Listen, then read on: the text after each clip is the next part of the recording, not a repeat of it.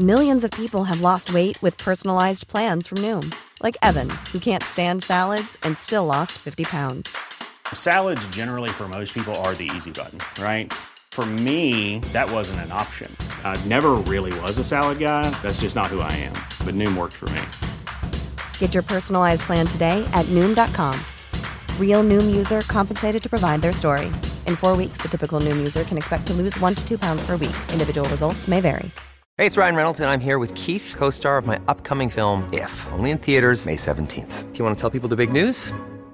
All right, I'll do it. Sign up now and you'll get unlimited for $15 a month in six months of Paramount Plus Essential Plan on us. Mintmobile.com slash switch. Upfront payment of $45 equivalent to $15 per month. Unlimited over 40 gigabytes per month. Face lower speeds. Videos at 480p. Active Mint customers by 531.24 get six months of Paramount Plus Essential Plan. Auto renews after six months. Offer ends May 31st, 2024. Separate Paramount Plus registration required. Terms and conditions apply if rated PG. Cool fact a crocodile can't stick out its tongue. Also, you can get health insurance for a month or just under a year in some states. United Healthcare short term insurance plans, underwritten by Golden Rule Insurance Company, offer flexible, budget friendly coverage for you. Learn more at uh1.com.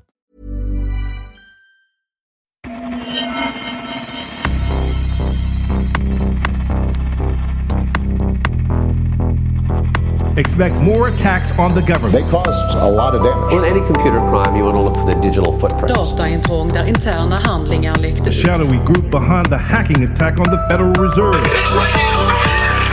Breaking into files. Beskriver dataintrången så mycket avancerade. This is just the beginning. We will respond, respond, respond, respond. Nätets mörka sida. Sanna historier om brottslighet på internet. Innan vi börjar så vill jag varna känsliga lyssnare för att det här avsnittet innehåller skildringar av extremt våld, skottväxlingar, religiös extremism och terroristattacker. Så eh, om du är känslig för sånt, ja, då bör du hoppa över det här avsnittet. Operation Inherent Resolve som startades av USA 2016. Det var en enorm militär insats där man skickade trupper, slagskepp och flygvapen till Irak och Syrien för att bekämpa IS militära gren. Det är känt över hela världen att USA bekämpar IS på det här sättet. Men vad du kanske inte har hört, det är historien om hur USA bekämpade IS på internet.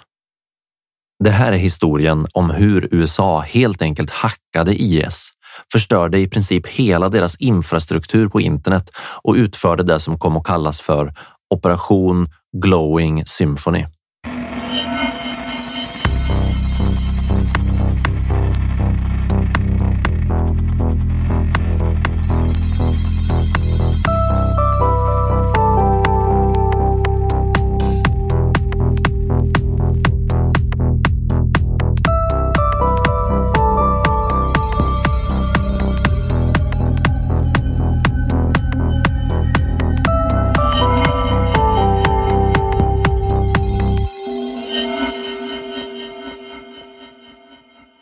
Jag heter Marcus Porsklev och det här är nätets mörka sida. Sanna historier om brottslighet på internet.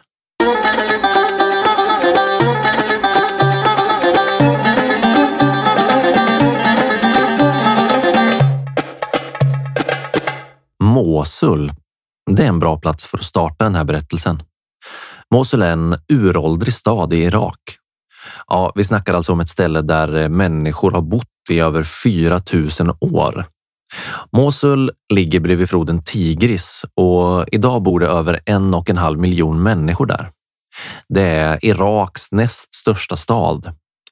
Den 10 juni 2014 då påbörjades ett nytt kapitel i Mosuls historia.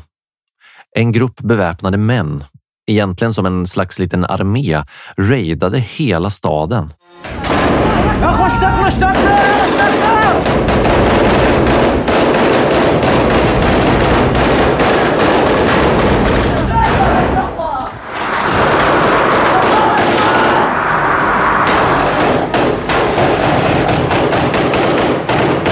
IS tog över Mosul. De sköt sönder hela staden, satte kvarter i brand och deras mål, ja, det var den irakiska polisen, den irakiska militären och de irakiska säkerhetsstyrkorna.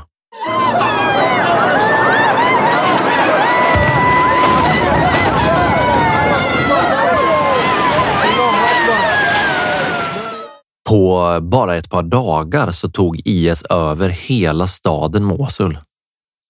Hela miljonstaden föll i terroristernas händer. Människor började fly från staden i stora grupper. De flydde hals över huvud. Flera hundratusen människor bara gav sig av och tusentals människor blev mördade. Mosul stod nu under IS kontroll. IS, en av världens mest fruktade terroristgrupper som består av våldsamma islamistiska jihadister. Samma månad som IS gick in i Mosul deklarerar de ett islamiskt kalifat med utgångspunkt i den uråldriga staden som de just hade intagit. The group, previously known as the Islamic State in Iraq and the Levant, has renamed itself Islamic State and has established a caliphate over territory it's captured in both Syria and Iraq. Its leader, Abu Bakr al Baghdadi, has been declared the Caliph for Muslims everywhere in a statement posted on Twitter and several Islamic websites. Att deklarera ett kalifat på det här sättet, det innebär helt enkelt att IS ville skapa en egen muslimsk stat med utgångspunkt i Mosul.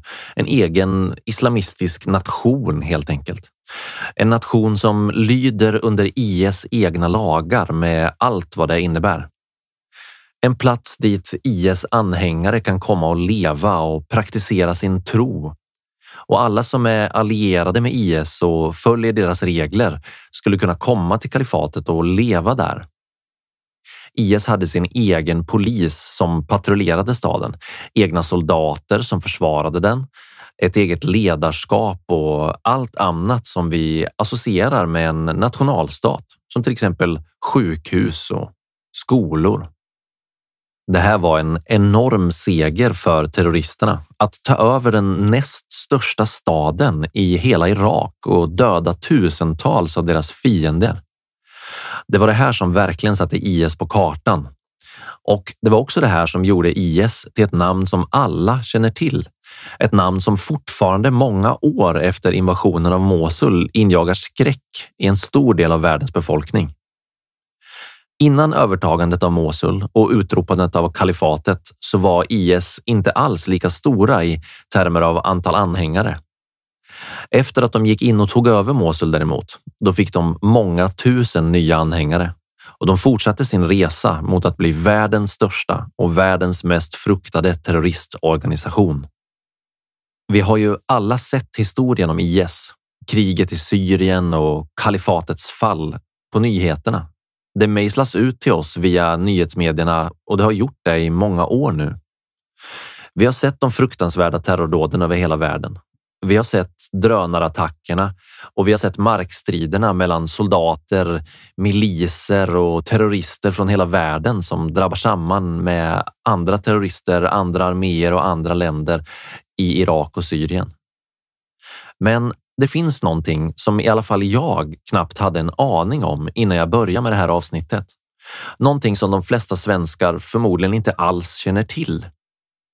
En historia om en enorm militär operation som pågick och fortfarande pågår utanför de traditionella kanalerna som vi tar del av när det uppstår en konflikt i världen. En militär operation som förmodligen var minst lika betydelsefull för att kunna bekämpa IS kalifat som de fysiska militära operationerna på marken. Så vad handlar det här om egentligen? Jo, det här är historien om USAs eh, cyberkrig mot terroristerna. Historien om Operation Glowing Symphony. Gillar du den här podden? Skulle du vilja höra fler avsnitt? Då vill jag be dig att stödja nätets mörka sida på patreon.com. Som Patreon så får du tillgång till mängder med exklusivt material som till exempel unika bonusavsnitt som inte är tillgängliga för allmänheten. Behind the scenes videos, eh, merchandise och en massa annat kul. Men framför allt så hjälper du mig att göra fler och bättre avsnitt genom att stödja podden på Patreon. Jag lägger ner någonstans mellan 30 till 60 timmar per avsnitt för att skriva manus, göra research, spela in, komponera musik och redigera. När du stödjer nätets mörka sida på Patreon så bidrar du till att jag kan fortsätta göra intressanta avsnitt som du kan lyssna på. Gå in på www.patreon.com natets mörka sida och upptäck allt som du får tillgång till som Patreon. www.patreon.com natets mörka sida. Länken finns också i infotexten till varje avsnitt av podden. Tack för ditt stöd. När eh, IS väl hade tagit över Mosul och deklarerat sitt kalifat så fullkomligt exploderade deras popularitet. Tusentals människor över hela världen lärde sig vad IS var och de som gillade deras idéer, de anslöt sig till deras kamp. Vi började se attacker i många andra städer över hela världen och IS tog på sig ansvaret för dem allihop. Vi såg attacker i bland annat Belgien, Australien, Kanada och inte minst här i Sverige. Rakhmat Atilov som utförde terrordådet på Drottninggatan i Stockholm 2017. Han hade nämligen svurit sin trohet till IS, även om gruppen eh, som helhet aldrig offentligt tog på sig ansvaret för just den attacken. Och bara för att förtydliga här, när jag säger att vi började se ett ökat antal attacker, då menar jag helt enkelt terrordåd där oskyldiga civila människor mördades brutalt av de här religiösa extremisterna. Disturbing images have been distributed by the Sunni extremists who've taken territory across Iraq.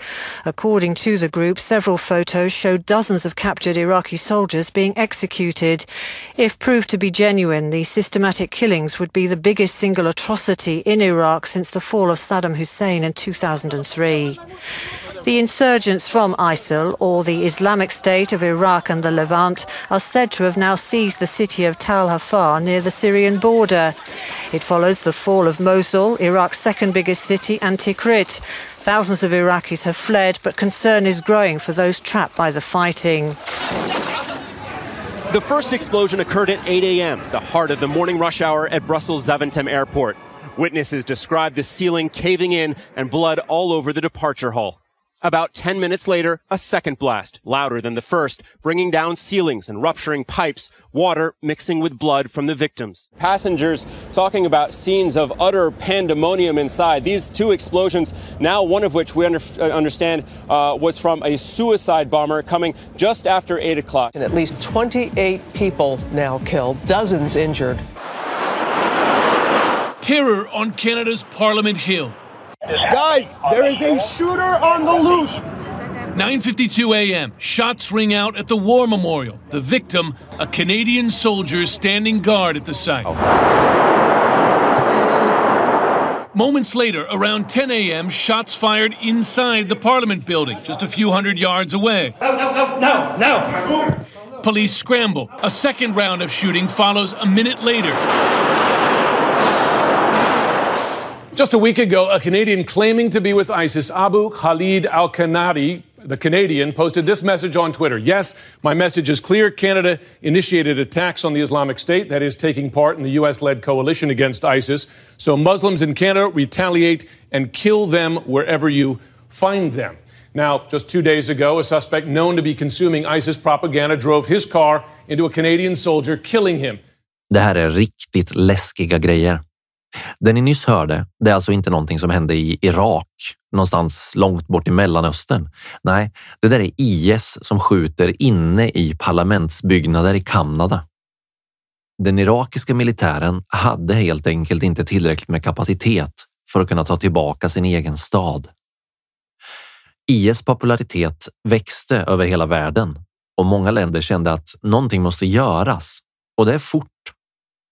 I oktober 2014 så började den amerikanska militären att utföra en exekutiv order som kallades Operation Inherent Resolve. Operation Inherent Resolve blev namnet på en slags anti-IS koalition och under det paraplyet så utfördes det mängder av uppdrag med det amerikanska flygvapnet. Det var markräder, det var drönarattacker och andra militära operationer. En stor del i Operation Inherent Resolve var övervakning, rekognosering och insamling av underrättelseuppgifter.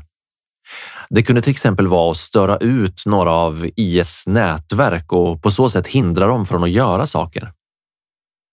Den eh, amerikanska militären använde mängder av Tomahawk-missiler mot IS redan den första kvällen när operation Inherent Resolve gick igång.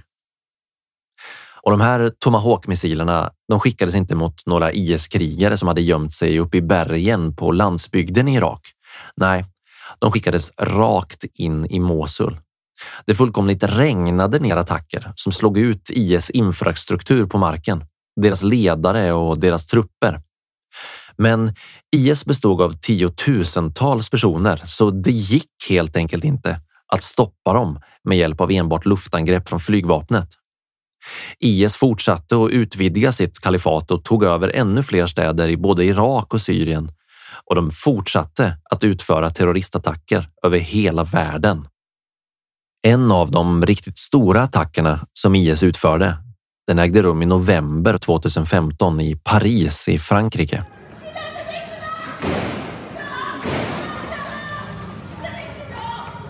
Människor kastar sig ut ur konserthallen Le Bataclan i centrala Paris.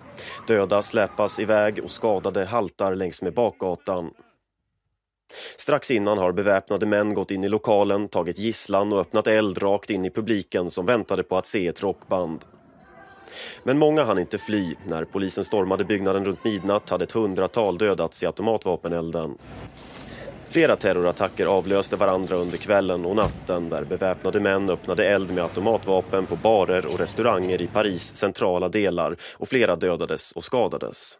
Sprängladdningar detonerade också på nationalarenan Stade de France där Frankrike spelade en fotbollsmatch mot Tyskland. Det här var riktigt illa. Och ännu fler attacker poppade upp som svampar över hela världen. Operation Inherent Resolve behövde mer hjälp för att kunna bekämpa terroristerna i IS.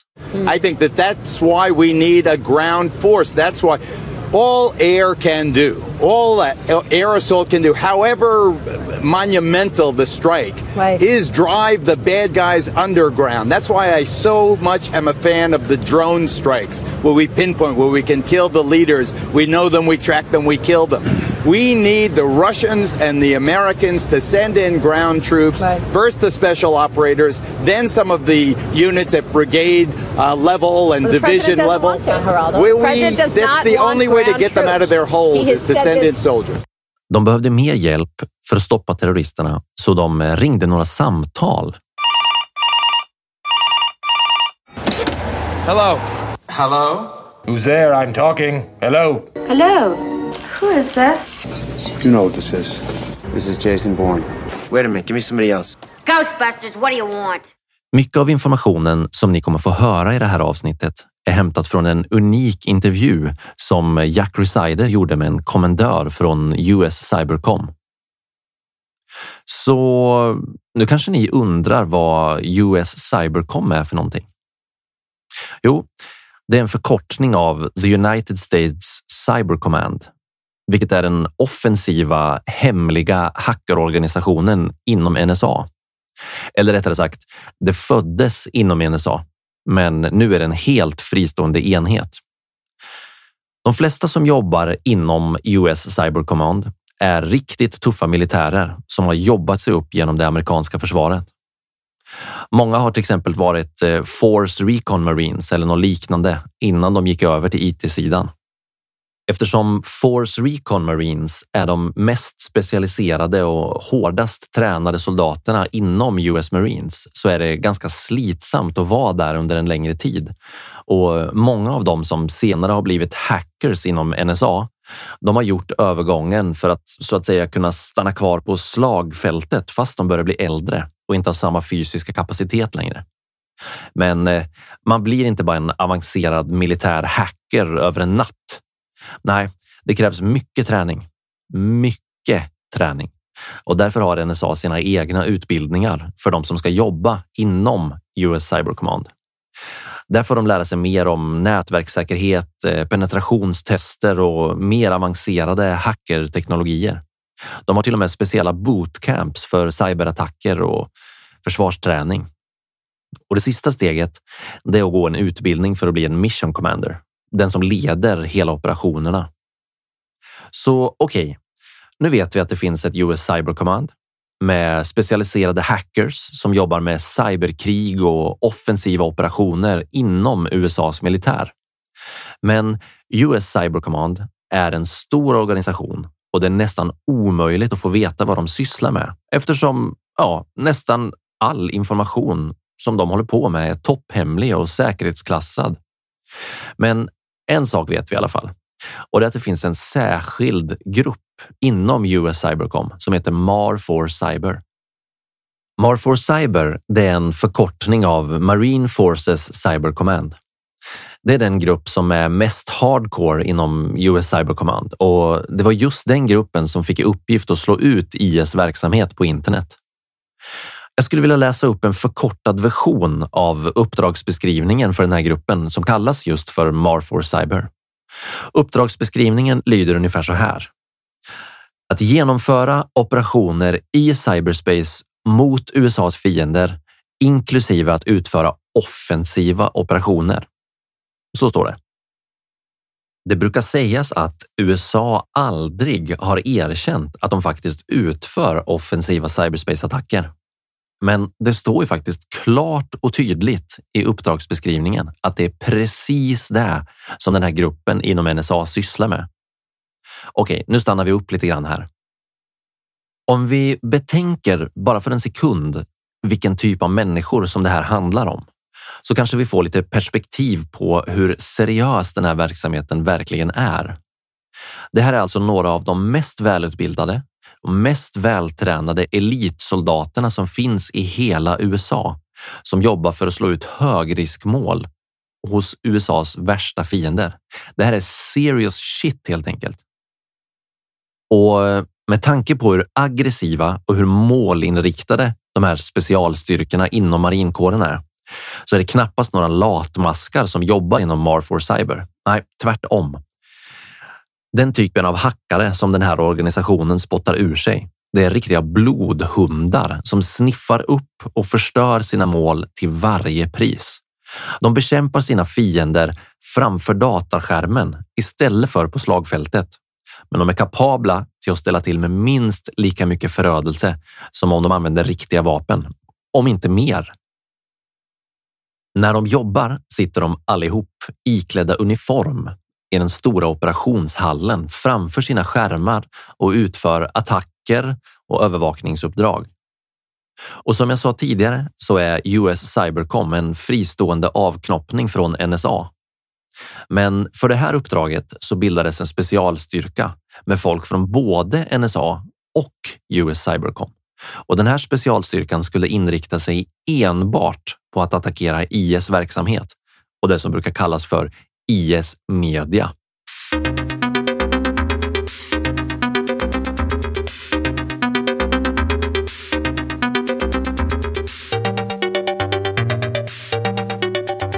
Så vi hoppar tillbaks till IS igen. IS de producerar tonvis med mediainnehåll.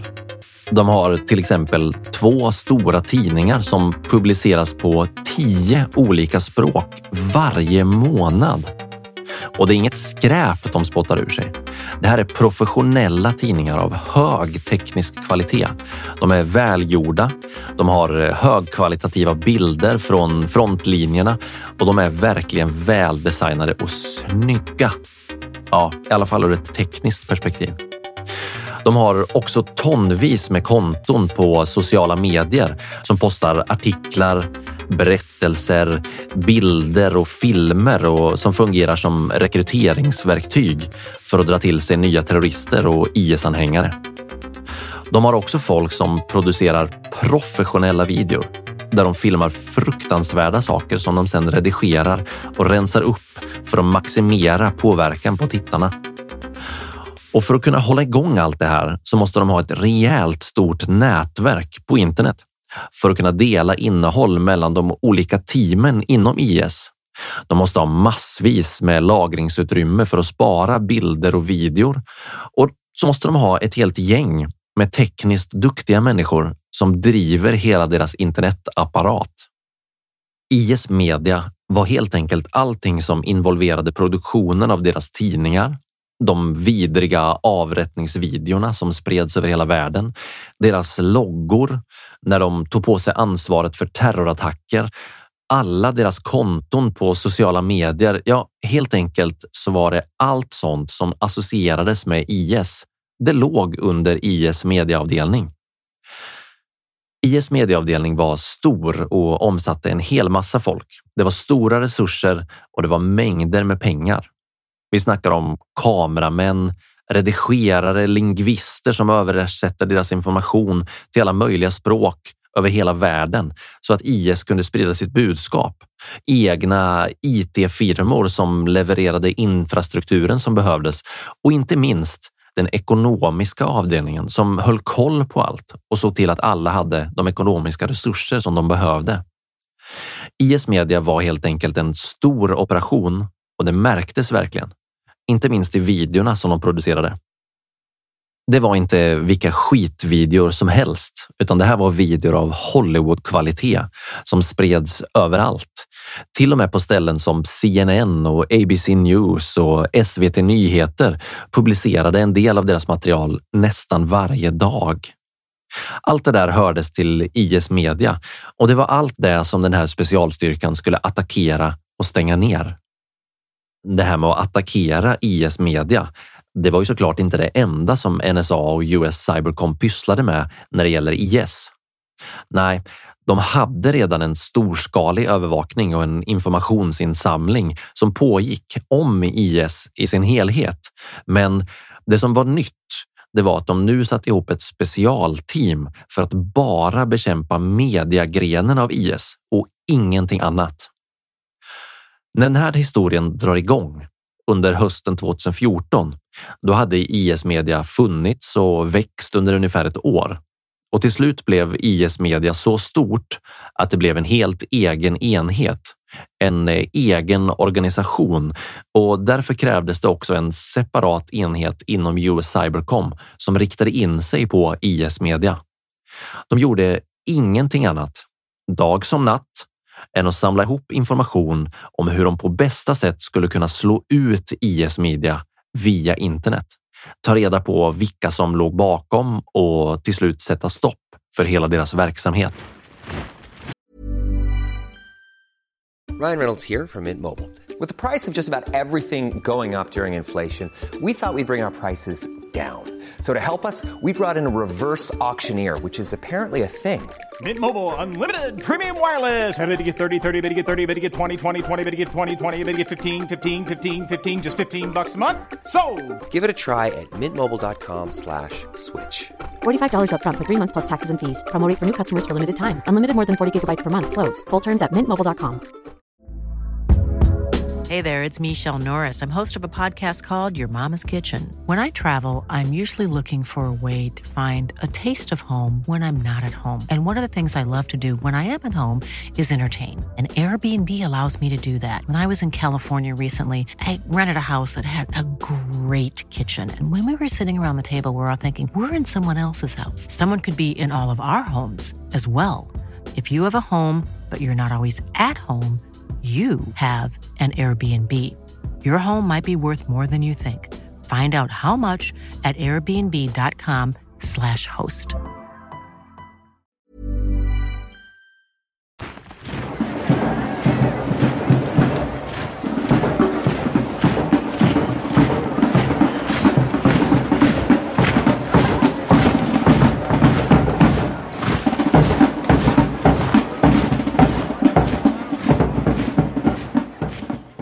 Så den här nya specialenheten inom NSA och US Cybercom, de började mappa IS nätverk.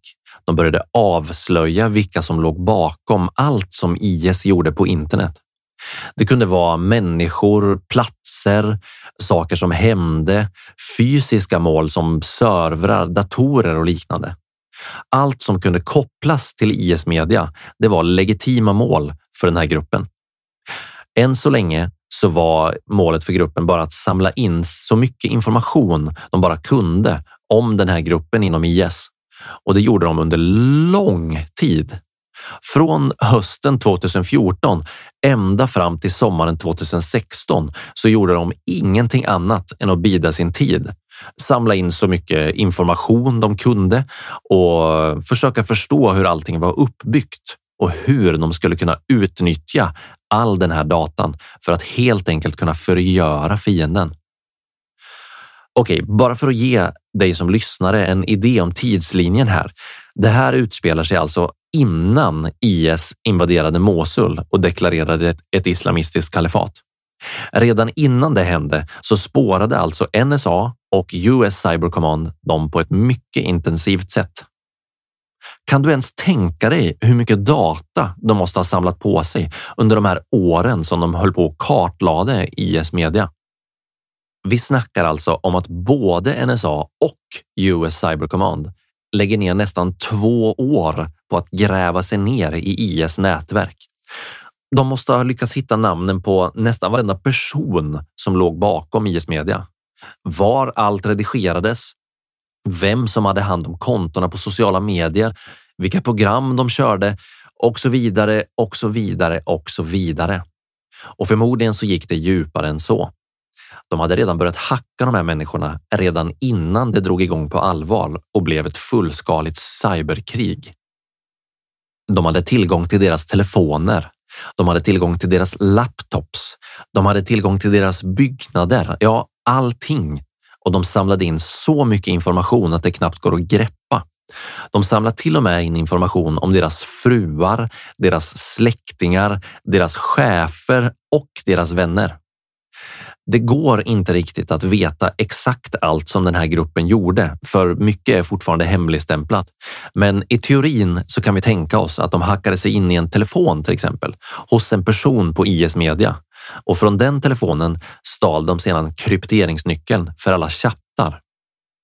Om de dessutom lyckades hacka wifi-nätverket som den här telefonen var uppkopplad på, då kunde de samla in all trafik som gick till och från telefonen och från och till alla andra enheter på hela nätverket. Och i den trafiken, det fanns förmodligen fler krypterade chattar som gick att koda av med krypteringsnyckeln från telefonen som de hackade först. Och ja, att göra en sån här sak, det är egentligen ganska komplicerat för en vanlig person. Men för NSA och US Cyber Command så är det ju småpotatis. hur enkelt som helst. Det fanns en lång lista med mål som skulle övervakas. Du har ju säkert sett hur det brukar vara i Hollywoodfilmer. Tänk dig en stor tavla där det sitter en samling med bilder på människor, servrar, domäner, konton och linjer som kopplar ihop alla. Den nya specialstyrkan hade ganska bra koll på hela IS media vid det här laget. Under sommaren 2015 då började saker och ting verkligen ta fart för IS runt om i hela världen. Det utfördes fler och fler attacker. Och det var också nu som de började skeppa ut sina fruktansvärda videor med avrättningar av eh, västerlänningar och alla som de tyckte var otrogna som fick sina huvuden avskurna. Kongressen i USA och Carter hade fått nog av det här och de var trötta på att se det på nyheterna varenda dag, så de ville göra någonting åt det. Och än så länge så gjorde inte US Cyber Command några offensiva attacker vid den här tiden. Allting handlade om övervakning och informationsinsamling. Så vid den här tiden så började folk inom NSA och US Cyber Command fundera på om de kunde attackera IS på riktigt och använda all den här informationen som de hade samlat på sig under flera år. Skulle de kunna utföra riktiga attacker och förstöra allt som IS media sysslade med istället för att bara spionera? Så nu börjar de planera hur de skulle kunna stänga ner IS medias verksamhet på nätet. De började luska ut hur det skulle kunna gå till och de funderade på om de skulle kunna testköra en större attack genom att göra en slags testrunda där de bara angrep en del av ett nätverk i ett enda land och inte alltihop på samma gång. En högt uppsatt general, vi kan kalla honom för general Hawk, kom ner till den här specialenheten och frågade Vad gör vi nu? Hur mycket större kan det här bli? Kan det sträcka sig utöver ett nätverk i ett land? Vad är nästa steg? Och svaret blev vi ska inte göra det i ett eller två länder. Det räcker inte. Vi ska göra det på en global skala. Alltihop. Vi kan ta ner hela skiten på en gång. Vi kan förstöra allt.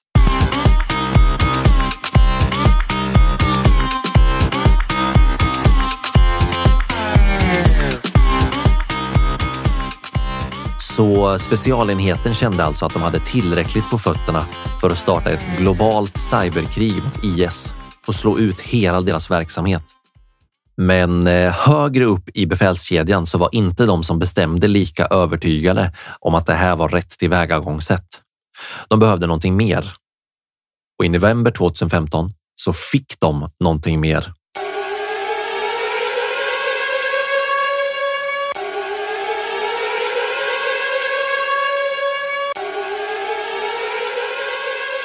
Det som hände var att IS genomförde sina nya terrorattacker i Paris.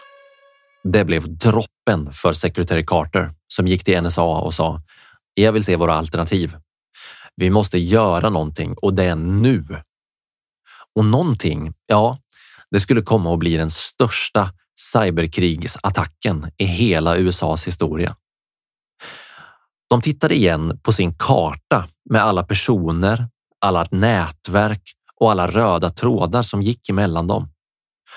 Och då insåg de att det fanns några nyckelpositioner, några nyckelpersoner som var sammanlänkade med allt annat inom IS. Och det fanns ett sätt att slå ut dem. Om de skulle lyckas slå ut dem, då skulle allt annat rasa ihop som ett korthus för IS. Med några välriktade attacker så skulle de kunna krossa hela IS verksamhet på distans över internet. Det rörde sig om ungefär fem attacker som behövde utföras mot strategiskt viktiga mål för att lyckas. Och när NSA och US Cybercom gav den här informationen till ledarskapet i USA och förklarade att det var möjligt, då tog det inte lång stund innan de köpte den här idén och de bestämde sig för att det behövdes en särskild taskforce för att genomföra det här uppdraget. De högst uppsatta ledarna i USA, och då pratar vi alltså om presidenten och folket i Vita huset, de gav order om att skapa Joint Task Force Ares, eller eh, som den kallas i sin operativa form, JTF Ares. JTF Ares fick ett enda uppdrag, att planera, samordna och genomföra de offensiva attackerna mot IS media och slå ut så mycket av deras verksamhet som det bara var möjligt. Och det var nu som hela operationen skiftade sitt fokus från att övervaka och göra små hack för att samla information och så vidare till en fullskalig digital militär offensiv med syfte att förstöra alla fiendens resurser. Det kan vara svårt att tänka sig skillnaden mellan det här, men vi skulle kunna göra en jämförelse. Det är lite grann som skillnaden mellan att ha en spion med en kikare på taket som sitter passivt och bara observerar jämfört med att ha tio snipers som sitter på taket med prickskyttegevär och skjuter på allt som rör sig. US Cybercom hade alltså aldrig fått använda sin förmåga för krigssyften innan det här. Och nu fick de plötsligt göra i princip vad de ville. Men vad skulle de kalla den här operationen? Vad ville de egentligen göra? Och hur skulle de göra det?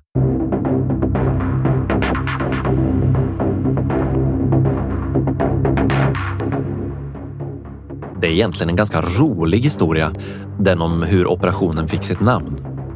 I USAs militär så fungerar det så att alla enheter namnges med två bokstäver utifrån sitt AO, sitt Area of Operation. De här två bokstäverna måste vara de första två bokstäverna i ordet som är operationens namn. Och från Cyber Commands marinkår så kom bokstäverna GL. Så de var tvungna att välja det första ordet som skulle utgöra operationens namn ifrån GL. GL, vad, vad sjutton gör man av det? De satte sig ner och tänkte. Gladiator, eh, Gladius, Global, Gli. Ah, men de kom inte på något. Sen är det så att det andra ordet i en operations namn, det kan bli egentligen vad du vill. Det är helt fritt att bestämma. Så det skulle kunna bli gladiator någonting, någonting. Det skulle kunna bli global någonting, någonting. Så de tog fram lite olika förslag. Global XYZ, global ABC, men alla namnen var helt enkelt kassa. De var sämst. De försökte tänka ut alla möjliga grejer som de själva tyckte var coola, men det var bara lame shit helt enkelt. Men till slut fick de inte välja längre. Till slut så bestämdes det från högre ort att eh, GL i det första ordet stod för glowing. Och killarna på golvet, de bara what? Vadå glowing? Det är ju inte alls coolt. Det låter ingenting som världens största cyberkrigsoperation. Kunde de inte ha valt någonting som är lite mer badass, liksom? Lite mer hardcore? Men det var redan bestämt och det fanns ingenting de kunde göra. Så eh, alla i JTF Ares satte sig ner i operationsrummet och började bolla fler tänkbara namn. Och så kom till slut det andra ordet i operationens namn. I marinkårens grundträning där pratar man om eh, eldgivning från artilleri, maskingevär och sådana grejer för en symphony of destruction. Lite grann som när det kommer överdrivna explosioner och allt sprängs på en gång i overkliga Hollywoodfilmer. Det är en symfoni av förstörelse. Och det var ju det som de ville uppnå med den här organisationen. De ville att helvetet skulle regna ner över IS, deras fiender. Att allt skulle sprängas i luften och att ingenting skulle finnas kvar. Ja, bara med den lilla skillnaden att allt skulle ske på internet istället för på det fysiska slagfältet. Det fanns en kapten inom JTF Ares som var riktigt styv i korken och han gillade den här tanken så han föreslog Glowing Symphony. That's it. Det är det vi ska kalla operationen. Alla andra i rummet himlade med ögonen, suckade och sa lame. Det kan vi inte kalla det. Det låter ju astöntigt. Men kaptenen, han bara sket i vad alla andra sa. Han satte sig vid datorn, skrev ner namnet Glowing Symphony och skickade iväg mejlet till ledningen. Och sen fanns det ingen återvändo.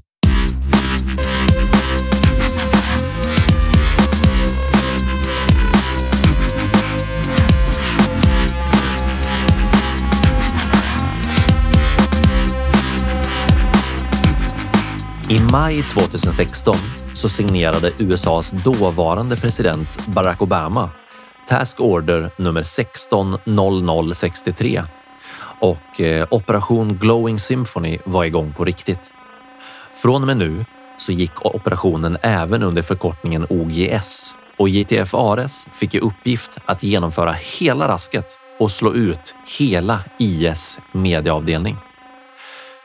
Nu var det dags att köra igång det var dags att skjuta lite cyberkulor och släppa iväg lite nätverksmissiler. Men hur skulle de göra rent praktiskt? De hade ju samlat på sig hur mycket information som helst om sina mål. Men de behövde mer trupper, mer specialister, fler hackers för att kunna utföra en operation i den här storleksordningen. Kommendören på JTF Ares var huvudansvarig för operationen och han sökte med ljus och lykta igenom både NSA och US Cyber Command efter de rätta kandidaterna för jobbet. Till slut handplockade han fem separata team som skulle utföra operationen. Tänk dig att varje team är som en pluton med soldater som ska infiltrera fiendens territorium i hemlighet och utföra ett antal räder. Varje pluton måste kunna agera på egen hand och ta egna beslut i stridens hetta. Om någonting går snett så måste de övriga plutonerna kunna fortsätta utan de som har blivit utslagna. Varje team, varje virtuell pluton hade en ledare som höll i trådarna. Det var han, ja, det är faktiskt tyvärr fortfarande nästan alltid en han, som gav okej okay till att använda de olika vapnen som teamen hade till sitt förfogande. Det var han som bestämde när de skulle användas.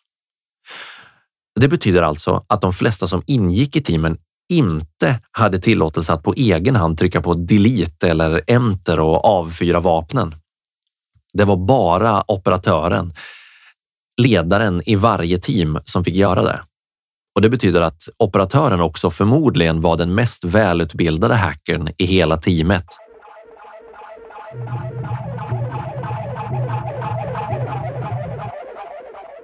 I varje team fanns också en signalspanare som grävde sig ner i infrastrukturen och tillhandahöll all information, alla länkar, alla nätverk och så vidare till den som faktiskt satt framför tangentbordet.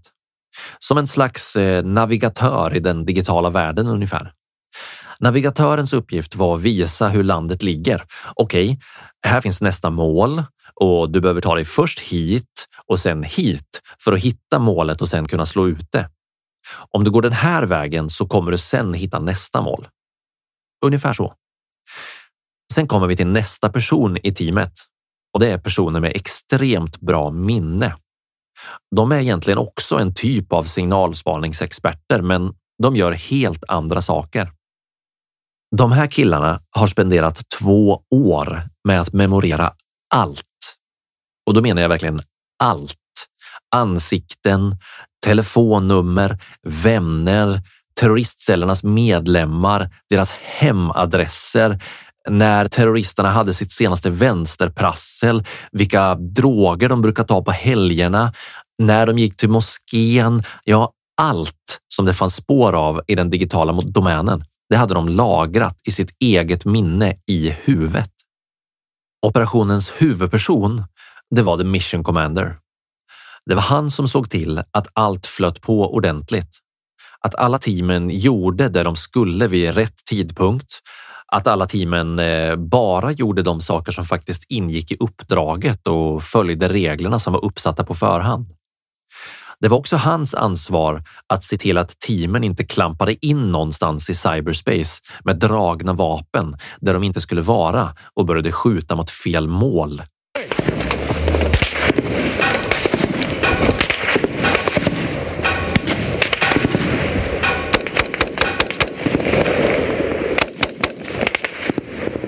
När de hade satt samman de fem teamen så insåg de att de behövde ytterligare ett team för att lyckas med allt de hade fått i uppdrag att göra. Så efter en del strul hade de nu fem team med högspecialiserade militära hackers som var redo och satt med fingrarna på de digitala avtryckarna. Dussintals elitsoldater som stod redo att attackera fienden bakom deras egna linjer och de hade tillgång till alla verktyg i US Cyber Command och NSAs arsenaler. Kodknäckare, flygfoton, mjukvaruutvecklare, lingvister som kunde alla världens språk. You name it och det fanns på plats. Redo att användas i kriget mot IS. Men än så länge så hade de inte fått grönt ljus och påbörja attackerna på riktigt. Och varför inte det då? Jo, det pågick fortfarande debatt högre upp inom NSA och eh, US Cyber Command om operationen verkligen skulle genomföras. Om det verkligen var rätt sätt att bekämpa IS på och det fanns tveksamheter kring vad en sån här attack egentligen skulle kunna lyckas åstadkomma. Så där satt de på sina arslen och väntade. Några av världens mest avancerade hackers och allt de hade byggt upp under två års tid och ju längre tiden gick, desto större risk var det att allt skulle gå helt åt helvete. Ju längre tiden gick, desto större risk att någon i IS nätverk skulle råka upptäcka vad de höll på med och stänga ner precis alltihop innan de ens hade fått chansen att börja. Dagarna gick och de här sex teamen och deras kommendör blev mer och mer nervösa för att allt de hade kämpat så länge för bara skulle puff, gå upp i rök och klockan tickade. Det är ju ändå USAs regering vi pratar om här. Och om ni tycker att beslutsprocesserna i Sverige är långsamma i offentliga verksamheter, då kan ni dubbla det för att få en bild av hur saker funkar i USA, där myndigheterna märkligt nog är väldigt långsamma. Till slut kom en av de högsta cheferna från NSA och US Cybercom ner till operationsrummet och satte handen på kommendörens axel. Sen frågade han. Är du verkligen säker på att vi kan göra det här? Kommendören svarade utan att tveka. Yes sir, vi är redo. Vi kan göra det här. Ge oss bara grönt ljus och starta attackerna så ska vi bomba skiten ur hela IS. Om du bara säger okej okay, så ska vi spränga de här jävla terroristerna åt helvete. Men sen hände ingenting. Det blev inget grönt ljus. För eh, innan de hade fått sitt svar från högsta ledningen så gav sig någon annan in i kriget mot IS på nätet. Kan du gissa vilka det var?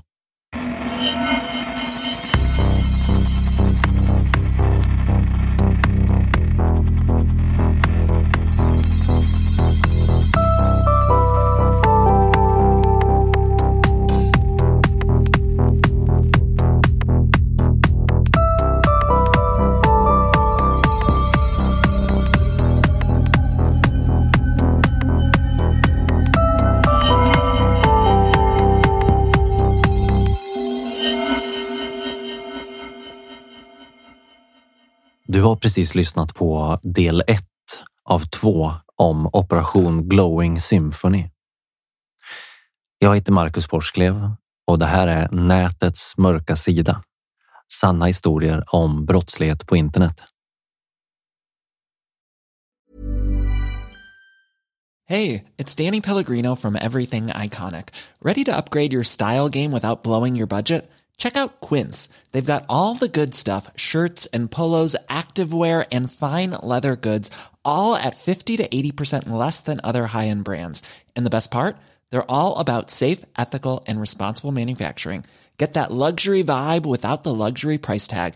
Hit up quince.com slash upgrade for free shipping and 365 day returns on your next order. That's quince.com slash upgrade. Hi, I'm Daniel, founder of Pretty Litter. Did you know cats tend to hide symptoms of sickness and pain? I learned this the hard way after losing my cat, Gingy. So I created Pretty Litter, a health monitoring litter that helps detect early signs of illness by changing colors, saving you money and potentially your cat's life. Pretty Litter is veterinarian developed, and it's the easiest way to keep tabs on your fur baby's health right at home. Go to prettylitter.com and use code ACAST for 20% off your first order and a free cat toy. Terms and conditions apply. See site for details. Hey, it's Paige DeSorbo from Giggly Squad. High quality fashion without the price tag? Say hello to Quince. I'm snagging high end essentials like cozy cashmere sweaters, sleek leather jackets, fine jewelry, and so much more. With Quince being 50 to 80% less than similar brands and they partner with factories that prioritize safe ethical and responsible manufacturing. I love that. Luxury quality within reach. Go to quince.com slash style to get free shipping and 365 day returns on your next order. quince.com slash style